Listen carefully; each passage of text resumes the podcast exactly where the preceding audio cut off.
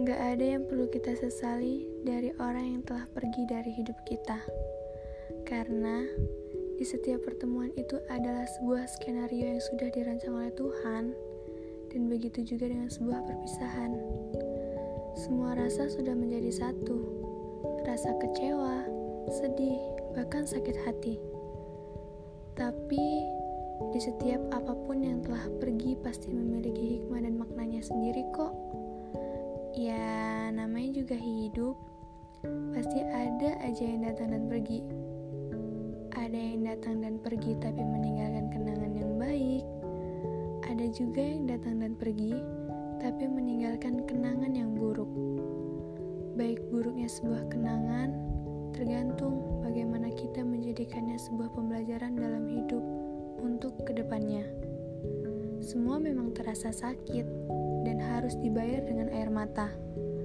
Tapi, sadar gak sih kalau kita kehilangan seseorang itu adalah sebuah pertanda kalau Tuhan ingin kita lebih dekat dengannya. Dan sadar juga gak sih kalau dia yang udah pergi dari hidup kita itu bukan orang yang tepat buat kita.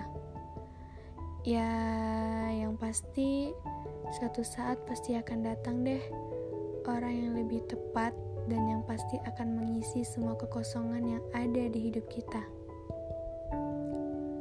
Rasa kecewa karena disia-siakan itu pasti ada lah, gak mungkin enggak.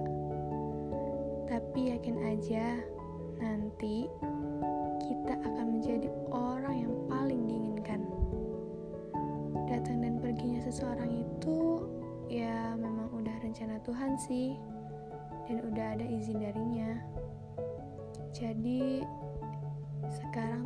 kita yang berusaha untuk membangun kepercayaan pada diri kita sendiri.